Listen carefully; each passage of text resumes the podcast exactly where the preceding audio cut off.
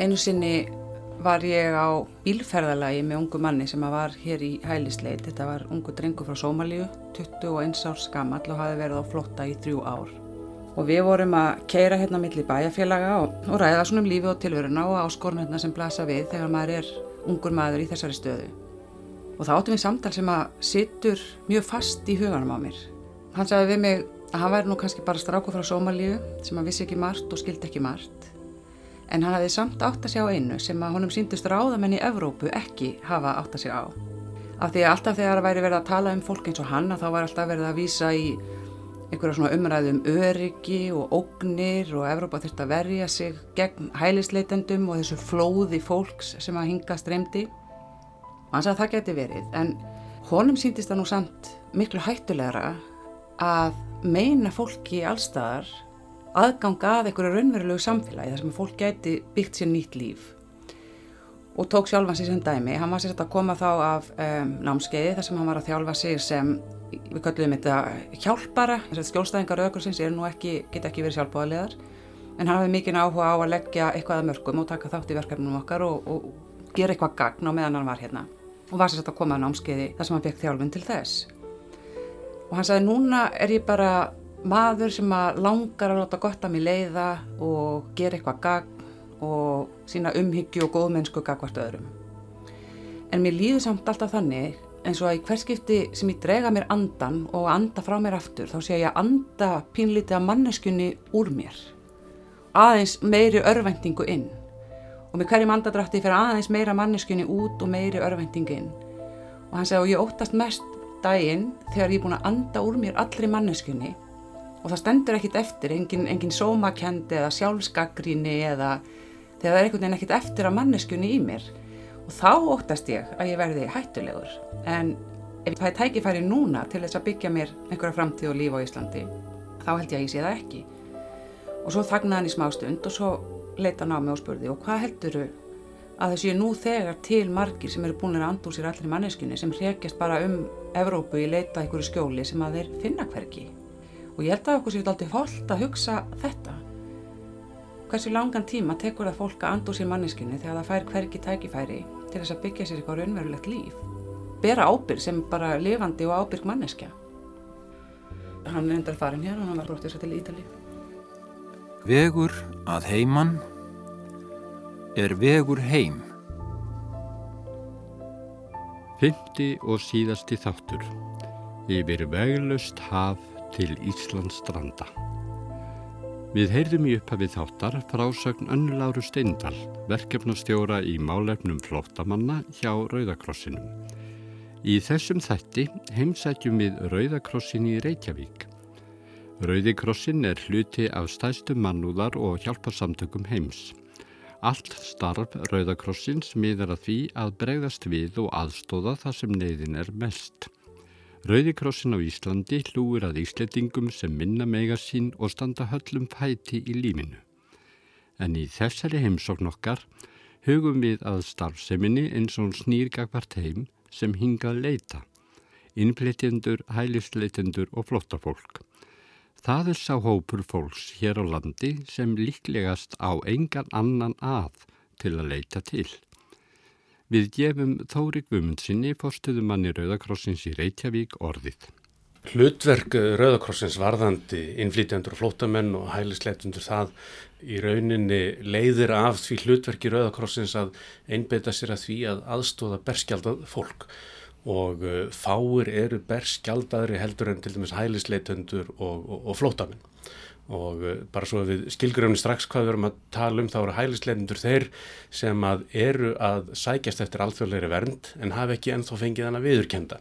Uh, þegar minn hafa fengið hana viðurkenda, það er að segja stjórnvöld viðurkenna viðkomandi í rétt á alþjóðleiri vernd, til dæmis á Íslandi, að þá tölum við um þá sem, sem flótamenn. Varandi innflytjendur þá, þá er það áhugavert því að innflytjendur þurfa ekki að vera berskjaldaðir síður en svo, en bara það að vera nýr í landi þar sem menn hafa ekki tengslanett, það er ákveðin berskjöldun. Þannig að sumir innflytjendur þurfa stuðning og, og það má eiginlega segja að, að allir innflytjendur séu á ákveðin hátt berskjaldadur og getur því nýtt sér svona ákveðina tegunda stuðningi. Og í hverju er þessi stuðningur helst fólkin? Það fer eftir aðstæðum fólks. Ef við tölum til dæmis um flótamenn sem er svo hópur sem að Rauðurkrossin í Reykjavík, þar sem ég er fórstöðumæður uh, sinnir, þá erum við að tala um fólk sem er nýkomið inn í okkar samfélag, hefur fengið alþjóðlega vernd eftir að hafa farið í gegnum hælisleit eða eftir að hafa verið bóðinn til landsins af stjórnvöldum og eru hér oft uh, málausir, þar að segja tala hvorki ennsku nýja íslensku þannig að þeir tala ekkit mál sem að fólk í landinu talar þurfa því að byrja á því að, að læra tungumálið. Eru líka í þeirri stöðu ef þeir hafa komið gennum hælisleit að yfirleitt þá hafa þeir ekki húsnæði og fá ekki aðstóð stjórnvalda í rauninni við að, að koma sér í húsaskjól. Og við kynnumst fólki gerðan fyrst hér hjá Rauðakrossum í Reykjavík eftir að þeir hafa fengið uh, þessa langþráðu yfirlýsingu um alþjóðlega vendaði fáið að vera á Íslandi kannski eftir langan flóta og þá á þremur til fjórum vikum síðar þurfa þeir að yfirgefa húsnæði sem að útlendingastofnun hefur látið um í tjö og hafa ekkert til þess að fara í þannig að þeir eru húsnæðislausir. Þeir eru líka kennitöluleusir þanga til fyrir eftir svona þrjár til fjóra vikur sem er um það byrjað sami tími og þeir þurfa að yfirgefa húsnæðið sitt. Og hvað þurfa menn til þess að koma sér í til dæmis leigu íbúð þeir þurfa auðvitað kennitölu og þurfa eh, eitthvað fjármagn þurfa heilmikinn stuðning. Við lítum svo á að það sem er mikilvægt ekki bara fyrir þetta fólk heldur fyrir Íslands samfélag að viðkomandi finni sig í íslensku samfélagi. Við viljum fólk sem kemur inn í samfélagið og er svona tilturlega bjartsýnd og, og glatt og sér fram á möguleika fyrir sig í þessu nýja samfélagi sem þeir hafa ekkit endilega kosið. Við verum að hafa það líka í huga. Eh, þeir flótamenn bæði þeir sem eru bóðunir hingað og þeir sem að koma eftir hælis leit að þeir hafa ekkert endilega ætlað að fara til Íslands. En þeir enda hérna, hér fáður allsvöldlega vernd. Og ef við viljum að þeir plumi sér vel þá ættum við að leggja daldinn metnað í það að taka vel á mótið þeim. Og okkar hlutverk í því eru auðvitað miklu minna heldur en hlutverk stjórnvalda. En það er uh, meðal hans að aðstóða fólk við að skapa sér þetta tengslanett þannig að mann koma hér inn í samfélagið og uh, við útvöfum fólki uh, stuðnisalvi ja, þeir eru stuðningsmenn flóta fólk sem ynga til. Það hefur verið stuðningsfjölskyldur vegna þess að við vorum fyrst og fremst aðstóða þá sem að stjórnveld böðu til landsins. En núna er þetta mikið einstaklingar sem að koma semst í hælisleit Sumir eru með fjölskyld einhver starf annar staðar og eru að berjast fyrir því að fá þessar fjölskyldur til sín og það er það sem við erum að aðstofa með. Bæði getur mann komið hinga og fengið stuðning sjálfbóðaliða í svo kvöldu opnu húsi sem erum með tvisvar í viku og uh, þá verður það að reyna að finna húsnaði til dæmis, verður það aðstofa fólk við að fylla út ferilskrár og annað slíkt. En síðan getur mann líka fengið stuðning sjálfbóðaliða við það að bara kynnast þessu nýja landi sem þeir finna sig statta í.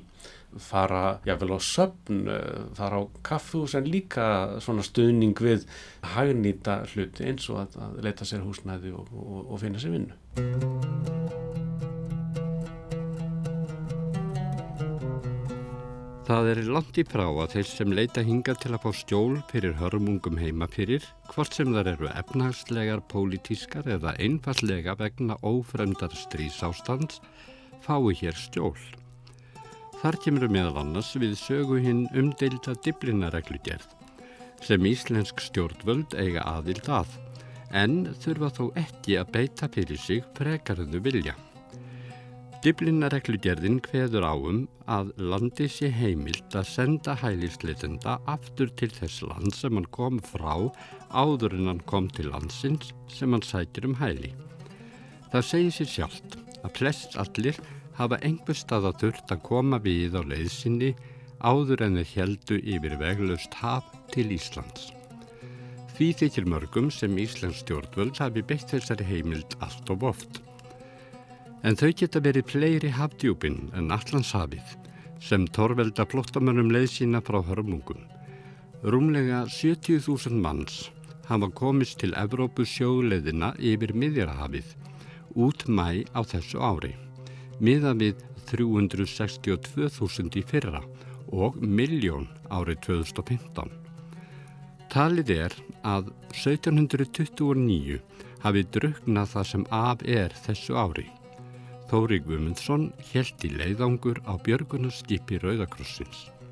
Ég var beðin um það í uh, november eh, í fyrra, 2016, að fara með eh, björgunarskipi sem að Rauðakrossin heldur úti, reyndar tveimur, á Miðjarhafi eða gerði á þeim tíma og tilgangur þessara björgunarskip og þessara aðgerða var einfallega að sá að bjarg flottafólki sem að lagði út á hafið frá Líbíu vanbúið og mjög lélugum bátum bjarga því upp í skip einfallega til þess að forða því frá druknun og uh, ég kom staði í þessum leðangri að þetta var bara svona.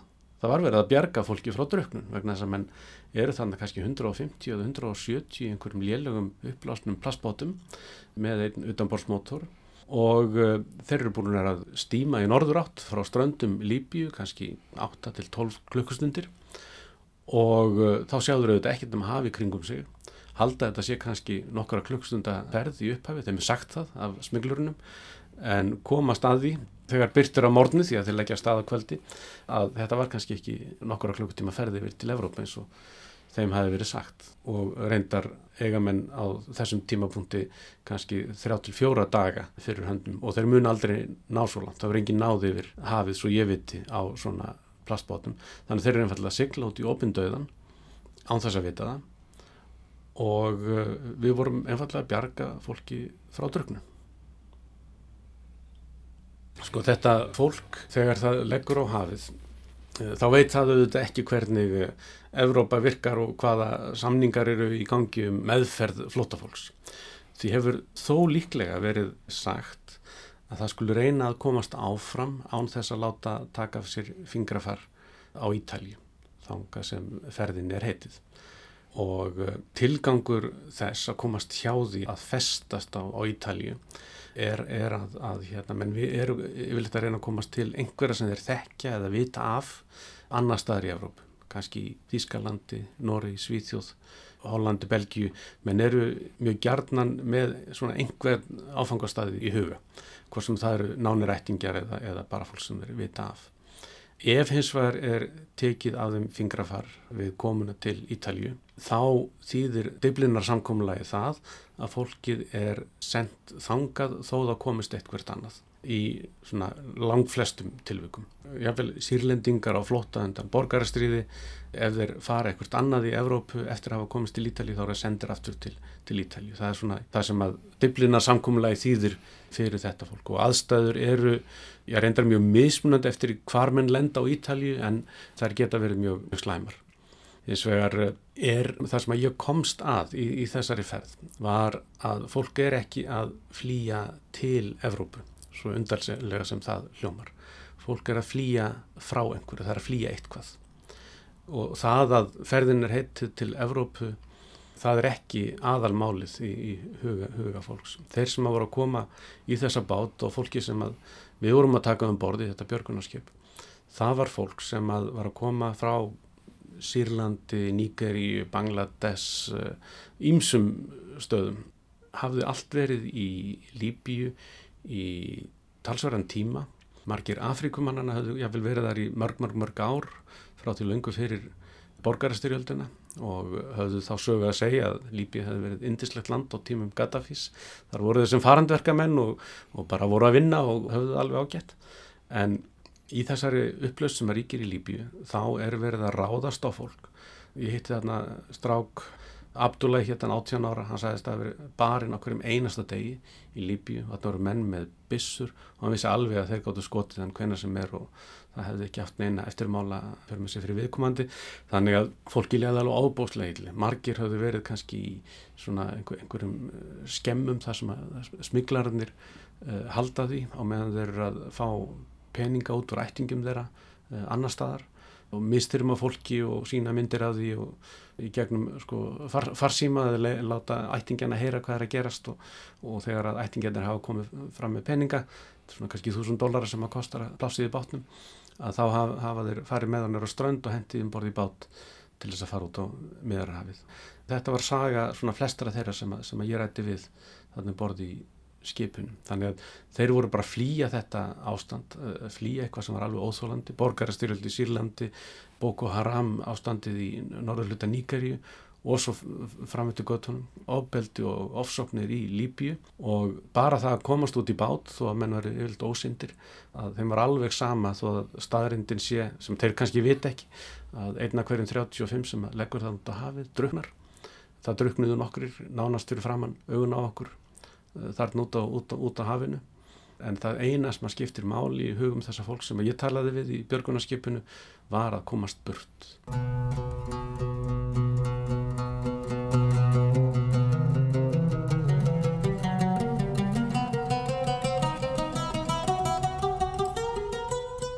Í leiðangrinum sem Tóri tók þátt í björguðu leiðangusmenn alls 1107 manns úr hafinu á tveimur vikum og fóru með þá til Ítalíu. Þeir fluttu tvö lík sem þeir fundu í hafinu að auki. Alls björguðu þeir fólki úr tólf bátum. Hinga til lands leitar fólk meðal annars vegna slæms efnahags ástands heimapyrir líkt og íslitingar hafa leitað til annara landa þegar harnað hefur á dalnum hér heima. Flestir þeirra sem hinga leita í þeim tilgangi koma frá austurluta Evrópu, löndum sem standa utan við Evrópusambandið og Evróska efnahagsvæðið, handan línunnar ef svo mætti segja, til dæmis Albaníu og Makedóníu. Þessu fólki er nær undantekningalöst snúið við, en það á þó einn möguleika sem er vega sagt umdeilanlegur. Þau geta ráði sig hjá starfsmannalegum sem senda þau til starfa á Íslandi til að vinna lálinu störf hjá íslenskum fyrirtækjum á enn lægri launum heldur en íslenskir lámastakstar hveða áum og búa oft í húsnæði sem myndi sent teljast til mannabústaða á íslenskan mælikvarða. Þetta fólk er með öllu réttlust hér á landi, þó svo að framkoma við það sér stílust brot á íslenskri vinnumálalögjum. Félagsmála ráþeira hefur unnið frumvarp sem á að flytja ábyrðina á starfstjörum þessara farandverkamanna starfsmannalega yfir á íslensk fyrirtæki sem nota þetta fólk til ímis að starfa en frumvarpið náði ekki að fá afgriðslu á þessu vorþingi og mun því býða ennum sinn óafgreitt. Sögur þeirra sem hinga leita eru margvíslegar, eins margar og einstaklingarnir, því það er ekki hægt að taka einn einstakling út úr og segja hann dæmigerðan fyrir hóp fólks, hvað þá dæmigerðan fyrir þjóð. Þetta þekkir starfsfólkur auðakrossins mæta vel. Anna Laura Steindal. Ég man eftir einum ungu manni sem var frá Bosníu sem var hér. Það var sorgleg saga. Það var ungu maður sem var líka áslega virkur í okkar starfi og kom mjög mikið hinga. Einhvern tíman var ég með viðtöl, við erum með reglulega opin viðtöl fyrir hælisleitandur og þeir koma bara og ert ekki að panta þér tíma, heldur bara kemur á byggstofuna og ég sá að þessi ungi maður, hann svona á færtusaldri, hann svona rétt komin yfir þrítugt.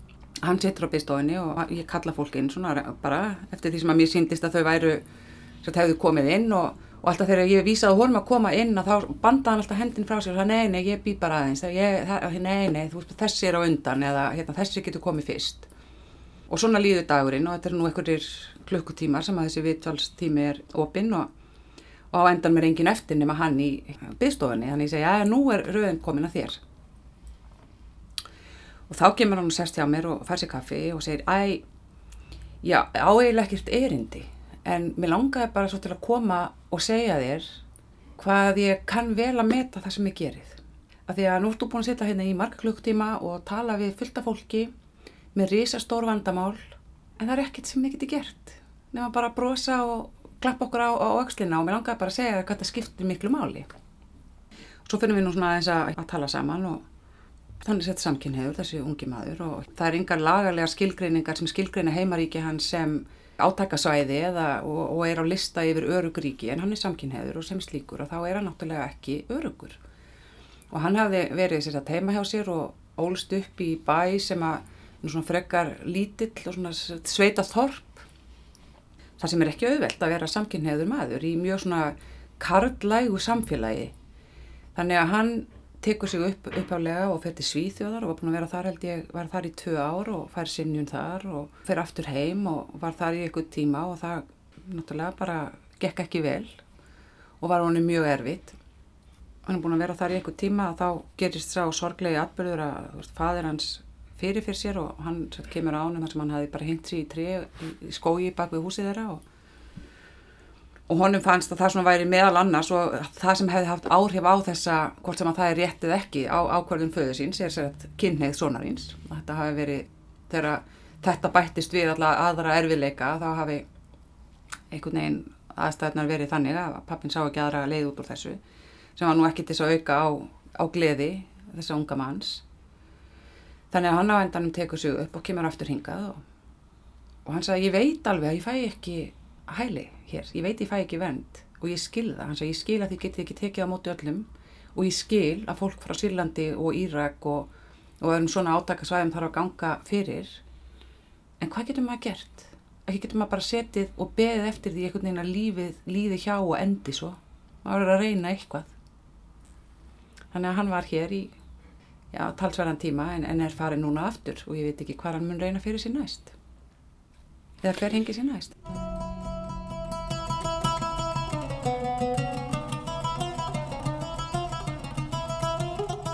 Á síðasta ári leituðu hér hælis 20 börn sem voru án fyldar.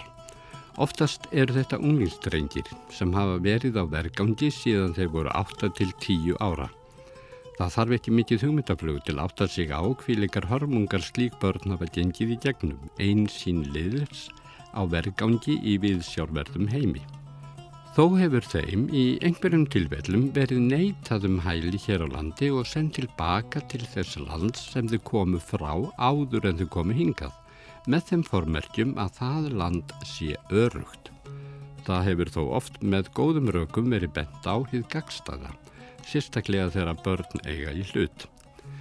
Öðvitað hefur innflytjendum sem og flóttamönnum gengið mísvel að spjara sig eftir komuna til þessa nýja lands en það eru þetta allt einstaklingar hver með sínu móti.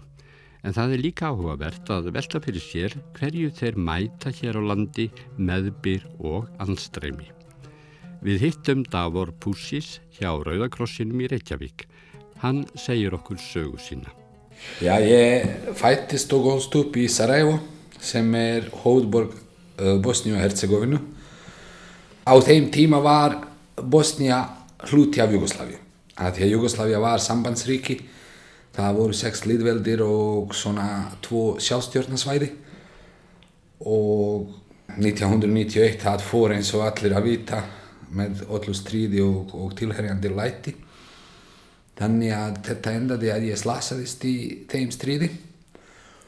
1993 ákvaðu Íslendingar eða Íslands stjórnfólk á meðal annara vestræna ríkja að taka á móti slósuðu fólki til að veita þeim allinningu og læknis aðstöð af því að það voru engin móguleiki fyrir ansi marga að fá læknisastöð út í, í Bosníu eins og var staða þá. Ég var fyrir valinu að koma hingað, við vorum tveir slasaðir sem komu og hinn sem kom með mér, hann kom með ein konu síni með sér og ég flutti til Íslands 8. oktober 1993. Ég var fyrstu einu og halvu ári meira eða minna inn og út úr spítalanum þó kannski sést ekki sérstaklega mikið á mér í dag eins og ger þá ég hef farið held ég í allt samanlagt einhverja 8-9 aðgerðir á þeim tíma þetta ég var slasaður í báðum hendum, báðum fótum magan, nýra, hálsin þannig að það var svolítið mikið sem þurfti að lagfæra. Ég er fyrirvændi logreglumadur og var að vinna í orgisdeild hjá bosninsku útgáfu ríkislogreglustjóra og var sagt, að sjá um orgismál eða lífvorslu við ráðherra ríkisins á þeim tíma.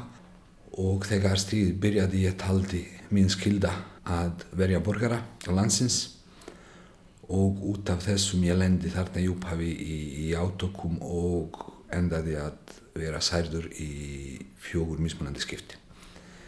Ég er nefnilega mjög tröskur. Þannig að ég, eins og ég segi, ég var þrísvar sínum fyrir sprengjubrót og einu síni fyrir bissukul. Og þá í rauninni eftir síðan þetta skipti líka mig að ekki jafna sér sjálft þannig að ég þurfti aðstöðu á allinningu það var ekki nægilegur matur. Það var bara ekki hægt að veita þessi lækningslastu, það var ekkert til. Það var ekki til deyfilíf svæfingalíf það voru ekki til síklarlíf að því að þessum sárum, stríðsárum fylgja mikið óhreinindi og síkingar eru algengar. Þannig að það var í rauninni ekkert hægt. Ég kom hingað með fjögur opin sár.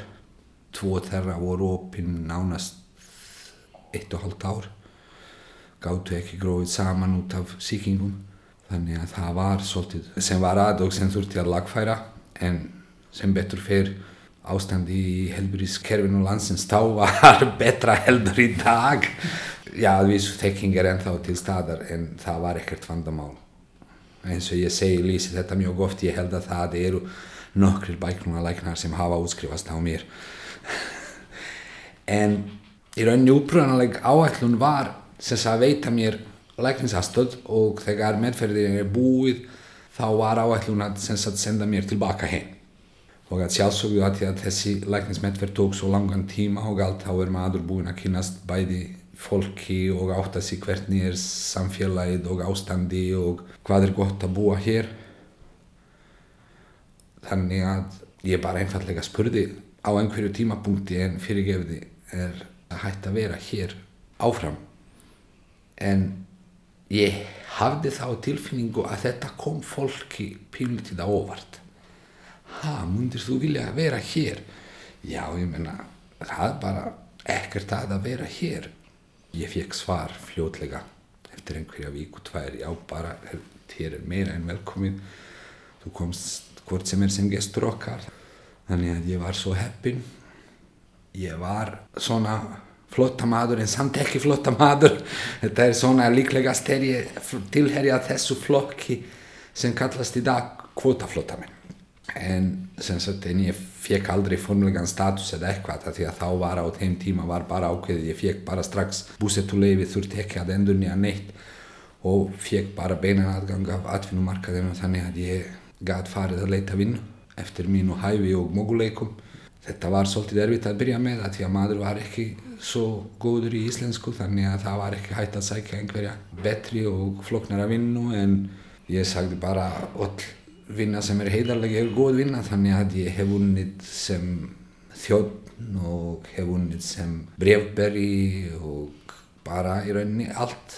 Ég var heppin þarna 94-5 þegar ég byrjaði að fara aftur á atvinnumarkaðin þá var byrjaður að vera svolítið svona uppgangur uppsveipla í íslensku samfélagi þannig að það var ekki svo mikið mál að fá vinnu.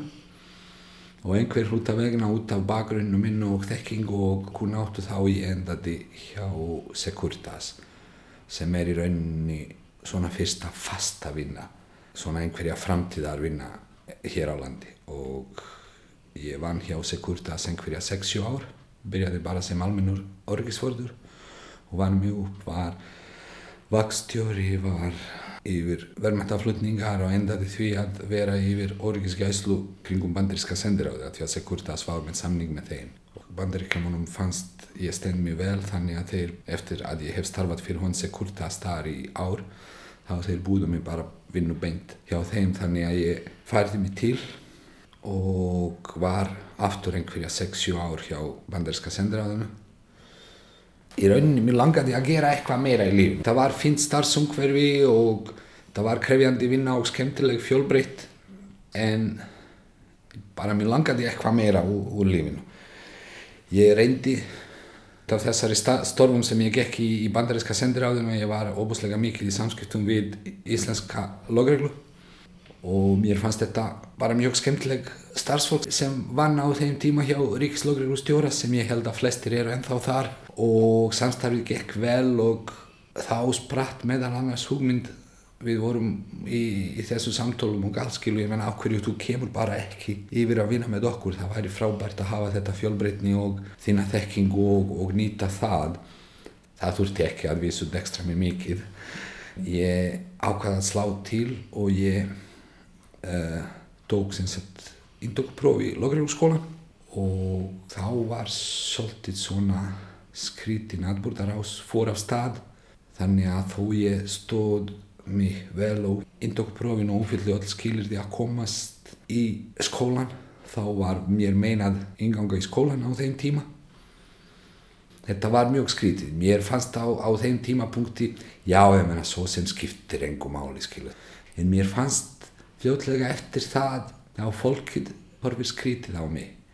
Já ef þú er búinn að úfylla át skilirði og þeir samt vilja ekki hleypa þér í skólan hm, hvað er að, er eitthvað sem þú ert að feila það var svolítið svona ég bara áttaði mig allt í einu að ég get ekki látið þetta kjörtleikja þannig að ég fór sem sagt með þennan hefbúna kvartunarleið sem endaði því að bæði umbúsmann alþingis hérasdómur og hæstiréttur Íslands dæmdu mér í vil þannig að Íslenska ríkið endaði skadabóta skild gagvart mér að því að það var nokkuð ljóst að í rauninni mér var mismunand á grundvelli uppruna. Og þetta er svona skrítið þegar maður horfir upp á þetta í dag þegar maður áttar sig að innanriksráðið hvað sem heitir þetta undirstofnum þess sem heitir logregla er hugsanlega einn að fá með ekki eina ríkistofnun sem eiga á baki á sér dóm að mismuna fólkið með kerfisbundum hætti á grundvelli uppruna. En í öllu þessu pælingum og allt þá vaknaði þessi áhugi um lokfræði sem líklega hefur allan tíð blundað inn í mér. Ég fekk alveg frábæran lokmann sem hjálpaði mér mikið. Við enduðum að spjalla svolítið mikið um þetta og allt þannig að mér fannst svona aðtiklisverðir þessir pælingar og svona hvernig er þetta gert á Íslandi? Þannig að vaknaði þessi áhugi en ég var ekki svona alveg á hreinu á þeim tímapunkti hvort mér langar lokfræði eða eitthvað annað en ég vildi sem sagt reyna á frekari ná að því að ég kom í rauninni til Íslands með þetta sem er sambærlega studentsprófi í Íslensku. Ég var að skoða mikið HR og bifröst ég hætti í vinnunni og fór í skólan í september 2006 þetta á árið þegar ég var 40 þannig að ég var svolítið svona á setna kantinu eins og sagt er en mér fannst skemmtilegt í rauninni á bifröst þessi viskiptalokkfræði að reyna að tengja sér meira viskiptalífinu og opna flekkar í moguleika að því að maður fæ fjölbertara þekkingu. Og líka á þeim tíma var bifröst eini háskóli sem var að bjóða svo kallega tólmánaðan á þannig að ég get tekið þrjár annir á einu ári. Þannig sé ég kláraði BS gráðuna í viskiptalokkfræði á tveimur árum. Að ég tók fulla námi yfir sumarið. Að mér fannst já ég er 40 ég hef engan erindi að fara að leita sumarvinnu og fylla með hinnum krokkum hillurnar í 10-11 eða bónus eða eitthvað með fullri virðingu fyrir ég er ekkert að segja að þessi vinna er fyrir neðan mína virðingu eða eitthvað en mér fannst bara ekki viðegandi að fara í þetta og ég bara vildi reyna að kaupa tíma. Og sem betur fyrir þetta gekk að því eins og ég segi ég náði BS gráðuna á tveimur árum og náði að klára líka mestraragráði í lokfræði á einu og halvu ári að ég tók líka fulla námi þetta sumarið í mestranámi þannig að ég náði að útskrifast innan fjókur ára með mestraragráði í lokfræði ég útskrifaðist með fyrstu engun á báður stígum og er mjög stoltur af því. Og þá í rauninni þegar maður kom með þessi blessaða próskirtinni í hendurnar þá kemur svolítið upp skrítin staða af því að ég flutti til Íslands 1993 og ég uppfylli neina forðama fyrir en einhver tíman á árinu 2010 af því að þá allt í enu þegar ég er komin með góða mentun og er að sjálfsögðu leita störf samkvæmt því þá er maður allt í enu komin í stóðuna að það er já, herðu byttum við, þetta er bara ekki alveg svona, það þarf bara skilu Íslendingar ganga fyrst svona semmi að sjálfsögðu aldrei neitt ofinbært en þetta var mjög skrítið. Ég hef sótt um einhverja 50 eitthvað störf, fekk ekki einu síni í flestum tilfellum, fekk ekki einu síni svarið, ekki að tala um einhverja tækifæri fyrir vittal eða eitthvað. Ég kynntist svo morgum á lífsleiðinni þannig að ég fekk tækifæri, ég var að vinna um áramót 2010-11 hjá fjármálaeftilitinu. Ég var að leysa annan logfræðing í barneignarleifi í eitt ár. Þetta var svona einstokk reynsla en þegar var að nálgast endan af þessi árs samningi þá ég bara því miður hafði ekki áhuga á þeim tímapunkti. Ég hætti bara þar og ég sótti hjá ennbætti umbúdsmann skuldara. Sem sem þegar var alveg á fullu vinna að koma okkur upp úr þessu blessaða bankahrúni ég fekk aftur ekki einu sinni vita í þessu. Ég þekkti konu sem var að vinna hjá ennbættinu og við vorum svona frekar góðir kunningjar og við hittumst einhver tíman og vorum eitthvað að spjalla. Ég sagði bara, vá, voðalega er mikið hvað heitir samkeppni og álag hjá ykkur maður fær ekki einu sinni vittal að fá tækifæri að kynna sér eða eitthvað. Og henni fannst þetta eitthvað mjög skríti og, og hún sagði, nú ég vissi ekki einu sinni að þú sátti um og svona spratt einhverja samtala og þetta endaði sem sagt að hún fór til sviðstjóra sem var að ráða lokfrængar og svona bara forvitnastist þá kom í ljós í rauninni að ráðningastofa sem ennbætti notaði þeir bara útilokkuðu mig strax. Ennbætti fekk ekki einu síni upplýsingar um mig. Og þessi sviðstjóri haldi samband við ráðningastofu og oskaði eftir gognum sem fylgdu mína umsóknina fari yfir þau og henni fannst þetta alveg mjög sníðut og ákveðin tækifæri meðal annars móguleiki um ráðgjöf til innflytjenda og ymis annað. Þannig að hún ringdi í mig og bóði mig að koma í samtal og í rauninni þá þetta leið til ráðningar. Eins og ég segi þá er svolítið svona eins og manni fannst eftir á þegar horfir skrítið það því að þá maður áttar sér til einu sem ráðningastofur hvað hafa þeir mikið vald?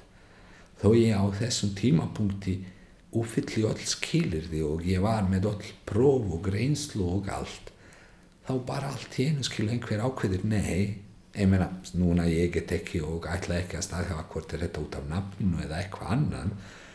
En einhver hlut að ég var settur til hlýðar án þess einu sinni að það er kynnt tilvonandi vinnuveitanda og hann látin velja eða ráða hvort hann vil gefa sjensin eða ekki en þetta er eins og gengur og gerist og ég vann hjá ennbættinu í þrjú ár og þetta var alveg frábært reynsla. Þetta var erfitt, mikið og krefjandi vinna en ég læriði óbúslega mikið og þetta var alveg frábær vinnuhópur sem maður var í.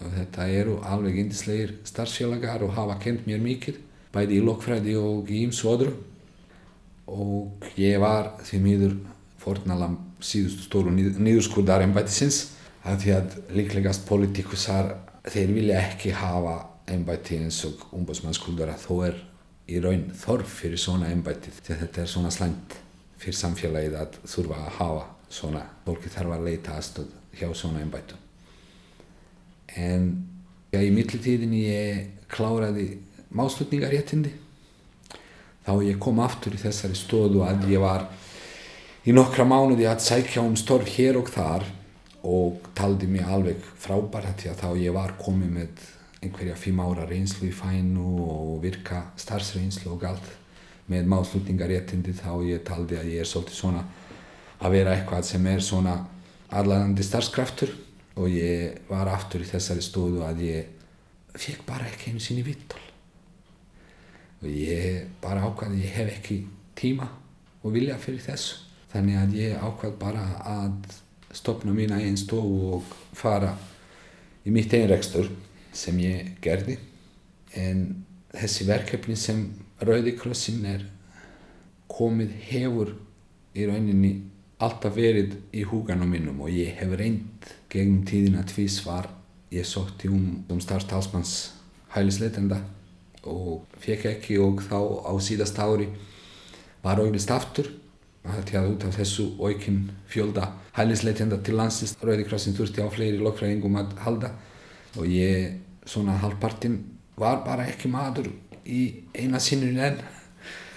En kona mín sem hefur verið á þessu síðustu 23 árum bara minn stundning og klettur hún bara hamraði hjárnið í mér og sagði láttu ekki svona engan auðmíkaskap sótt um þetta því að þú vil hvort sem er fara í þennan starf þannig að þriðja skipti er lukkuskipti þannig að þetta gekk alveg og ég byrjaði 1. águst í fyrra að vinna hérna hjá Rauðakrossinum sem talsmaður hælisleitenda. Ég er mjög ánæður, stundum er maður heppin í lífinu. Ég er aftur komin í svona frábæran vinnuhóp. En eins og ég segi, ég flutti langt frá Súður Evrópu alla leið nýrst í allanshaf ef einhver sagði við mig fyrir einhverjum 25-30 árum síðan já þú átt eftir að búa á Íslandi eða eitthvað ég múti bara hlæja af þessari mannesku en ég sé ekki eftir einn einasta augnumlik að hafa komið hingað. Lífið er ekki dansa á rósum en þessi lífsbarátt hérna ég farið í gegnum á þessum 23 árum síðan ég flutti þetta var bara svo ánægilegt. Þannig að ég bara get ekki hvartat hvernig er lífið í dag.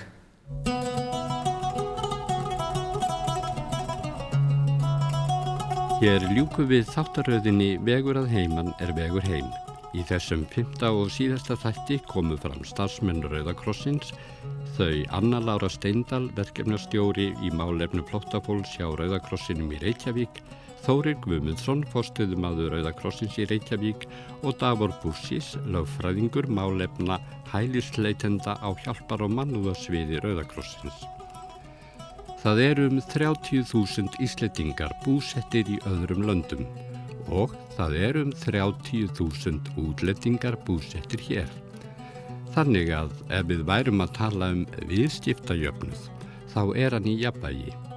En það segir ekki alla söguna. Íslenskt samfélag kallar á fleiri vinnufúsar hendur. Hvaðan eiga þær að koma?